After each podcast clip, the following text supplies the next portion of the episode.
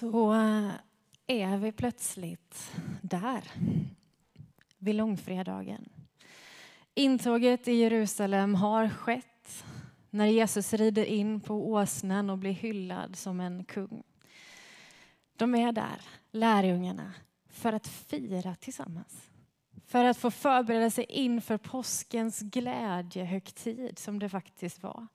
Att få påminna sig om uttåget ur Egypten, om Guds befrielse och tillsammans med hundratals, kanske tusentals, har de samlats den där helgen för att fira. För att få dela festen tillsammans, glädjen tillsammans. Och så har de delat måltiden med varandra. De har förberett sig, de är laddade inför det som väntar. Och trots att det är som att Jesus har försökt förbereda dem på att den här påsken kommer bli helt olik alla andra, så är det som att det ändå inte går in. Men så plötsligt händer det. Plötsligt förändras allt. Hela tillvaron vänds upp och ner. Livet förändras, festen kommer av sig när soldaterna plötsligt stormar in och fängslar Jesus inför deras åsyn. Och plötsligt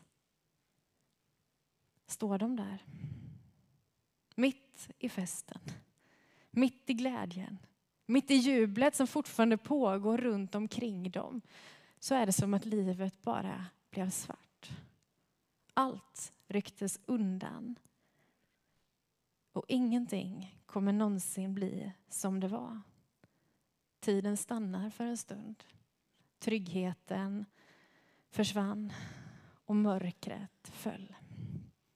Och nu står de där inför döden, ondskan och lidandets ansikte. Kanske har du varit med om det i ditt liv. När allting plötsligt bara vände Kanske var det mitt i glädjen och mitt i festen och så plötsligt händer det som gör att allting stannar upp. Att det är som att världen håller andan en sekund. Ingenting blir någonsin mer sig likt. En del sådana saker delar vi. Invasionen i Ukraina, 11 september, attentatet på Utöya. tillfällen när alla stannar upp. När vi vet precis vad vi antagligen gjorde den dagen och det är som att allt kom av sig. Kanske har du varit med om det i ditt eget liv. Den dagen när cancerbeskedet kom. När olyckan drabbade. När någon du har känt och haft kär plötsligt försvann. De där tillfällena när långfredagen drabbar i våra liv. Den här dagen får vi påminnas om det. Om de där lärjungarna som står där i det där mörkret som Markus sjöng om. Den där långfredagen för snart 2000 år sedan. När allt de hade trott på, allt de hade satt sin tillit till, allting de hade satt sitt hopp och sin förväntan till plötsligt bara rycks undan.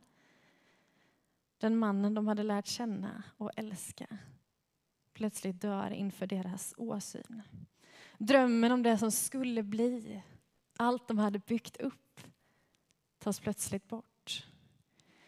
Och vi som vet fortsättningen kan ju se att korset för oss är en symbol för hoppet och för livet och för framtiden. Men där och då är korset den totala förnedringen, skammen. Det är det som liksom tar ifrån dem allt hopp all framtidstro, all förväntan och all mening. Det är den dagen, den platsen där Gud dör. Charlotte Fryklund som är präst i Svenska kyrkan har sagt så här att på långfredagen tar meningsfullheten slut. Det är där mörkret tar över. Döden tar makten. Och samtidigt är det ju det som är hela evangeliets kulmen. Det är så paradoxalt på något vis. Att de flesta liksom, människor, de flesta personliga personer i historien, de minns vi för deras liv och för deras fantastiska saker de har gjort. Men när det handlar om Jesus så är mer än en tredjedel av berättelsen om honom handlar om hans död. Om vad det faktiskt innebar. Det är det som är liksom epicentrum för evangeliet, döden. Det som sker där på långfredagen. I veckan så eh, möttes vi, några stycken här i tisdags, för ett samtal, lunch och samtal om tro och livet. Och är du ledig på tisdagar så kom nu på tisdag igen. En härlig tillfälle när man får dela måltidsgemenskapen med varandra och samtala om det som berör oss. Och I tisdags kom vi in och pratade om just det som påsken faktiskt handlar om. Om korset och om synden. Vi säger att Jesus dör för våra synders skull där på korset. Och jag vet inte vad din liksom, bild eller historia till ordet synd är. Tänk att det är lite olika beroende på vilken generation vi kanske också tillhör. Men för min del kan jag uppleva att vi ibland så har jag fått höra en undervisning om synden som bara handlar om den personliga synden. Du behöver Jesus för din förlåtelses skull, för din omvändelses skull, som är förlåtelse för dina synder. Det du har gjort fel, det du brottas med, för din ibland till och med brist och dina misstag. Och till viss del är det sant. Jag ska inte förminska den personliga frälsningen och det Jesus gör för dig och mig där på korset. Samtidigt har jag haft lite svårt för den bilden i relation till det påsken handlar om. Därför att om det bara handlar om min personliga synd då känns plötsligt korset ganska litet. En del av oss kanske har de där stora omvändelseberättelserna. Men jag har också mött väldigt många som vet när vi går in för nattvardens måltid och så kommer den här tystnaden när vi ska bekänna våra synder. Och så sitter många där och bara, ja, vad har jag att bekänna den här veckan? Ja, men jag kanske inte var helt ärlig mot min granne igår. Eller jag snattade ju en Daim när jag var fyra år. Men är det verkligen värt för Jesus att dö för? Kan man undra. Det är som att hela begreppet synd och korsets innebörd blir ganska futtigt. Men så i tisdag så kommer vi börja prata om synden i ett vidare perspektiv. Den där liksom världsvida, den som drabbar, den som gör att, som infiltrerar en hel värld, som gör att ondskan plötsligt kan få ta makten, som gör att övergrepp på mänskligheten kan få ske som vi inte kan förklara, som gör att människor liksom blir så förmörkade av ondskan att vi förstör vår värld. Och vi satt och vände och vred på det där. Och så kommer jag hem och slår på tvn. Och då är det som att det där, man kan tycka att man borde ha fattat det när man jobbar som pastor, vad synd är. Och när man har läst teologi i ganska många år. Men det var som att en del av det fick landa i mig i tisdags. När jag kommer hem efter det där samtalet och så sätter jag på tvn och så möts jag av nya rapporter från Ukraina. Om nya övergrepp, om nya krigsbrott och om nya massaker. Och då vet jag, och jag är helt medveten om det, att det tyvärr sker på så många fler platser runt om i vår värld än bara i Ukraina just nu. Men det är där vi har vår blick för tillfället. Och för mig blev det som att det där vi hade pratat om, om syndens konsekvenser, plötsligt fick bli bild för mig. Det fick ansikten och det fick bli verklighet. Hur någonting kan få så totalt makten över en värld. Kan få sådana oerhörda konsekvenser långt bortom mig och min personlighet. Ett synd, en synd och ett lidande som går på djupet av mänskligheten. Och som påverkar och som förmörkar människors perspektiv. Jag var hemma hos min mamma nu igår och då så säger hennes gubbe som inte är så van vid kyrkan, han säger så här, tänk om du skulle predika om något helt annat på långfredagen. Vad skulle hända om du började prata om kriget i Ukraina istället? Och så tänker jag, ja, Men det är ju precis det som är långfredagen. Det vi just nu möter i Ukraina. För, för mig var det som att någonstans fick påskens berättelse en ny dimension i ljuset av bilderna från det vi möter just nu. För när jag stänger av tvn, och jag tillhör ändå en av dem som kanske inte följer kriget så slaviskt, det finns ju de som gör det ännu mer. Men trots det så lämnar inte bilderna som jag har fått se när jag stänger av tvn. De följer mig i mina drömmar och de följer mig på dagtid. Det är som att det är någonting i mig som bryts när jag ser det. Som får mig att gråta för människor jag inte ens känner. Och som får hela min inre varelse att vilja skrika. Liksom. Det får inte gå till så här. Och någonstans tänker jag att det är någonting från djupet av mig, men det är också någonting från djupet av det som jag är skapad till. Någonting från djupet av Guds avbild som där och då gör uppror i mig.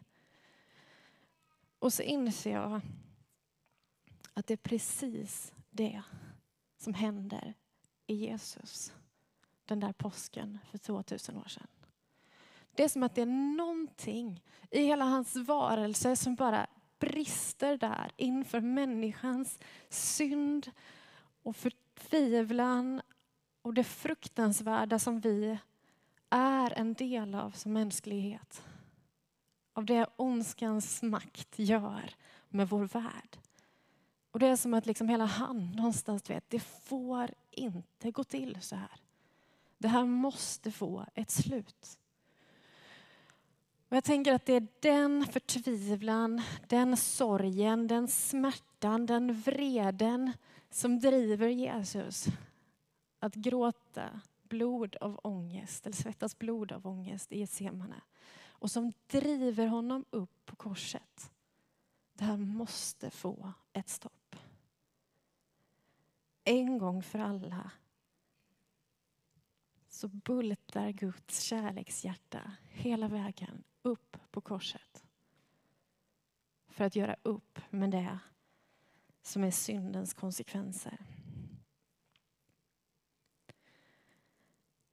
Korset är kulmen i hela kärleksbudskapet om Jesus. Det som händer i uppståndelsens morgon, det är ju förstås konsekvensen och fortsättningen och utan den hade ju korset varit helt meningslöst. Men samtidigt är det någonting där med långfredagen. För en Gud som uppstår, en Gud som lever, en Gud som triumferar är ju på intet sätt en unik gudsbild. Att vi har en Gud som kan segra, det har de flesta religioner. Men att vi har en Gud som väljer att dö är så otroligt på djupet revolutionerande. Han vakade inte över sin jämlikhet med Gud utan antog en tjänares gestalt. Att han väljer att ge upp all sin makt i sin totala kärlek och förkrosselse för människan.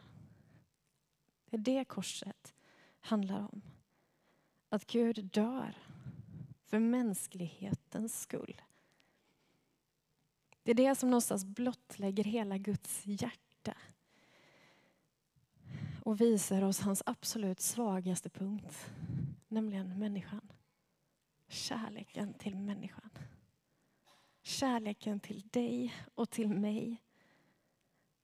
Det är den kärleken som liksom vänder upp och ner på allt det här i långfredagen.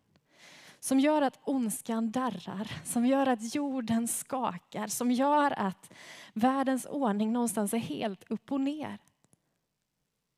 För Gud älskar människan så gränslöst att han inte värjer för lidandet, att han inte värjer för svärtan, att han inte värjer för det mörkaste av mörker utan väljer att gå rakt in i det. För dig och mig.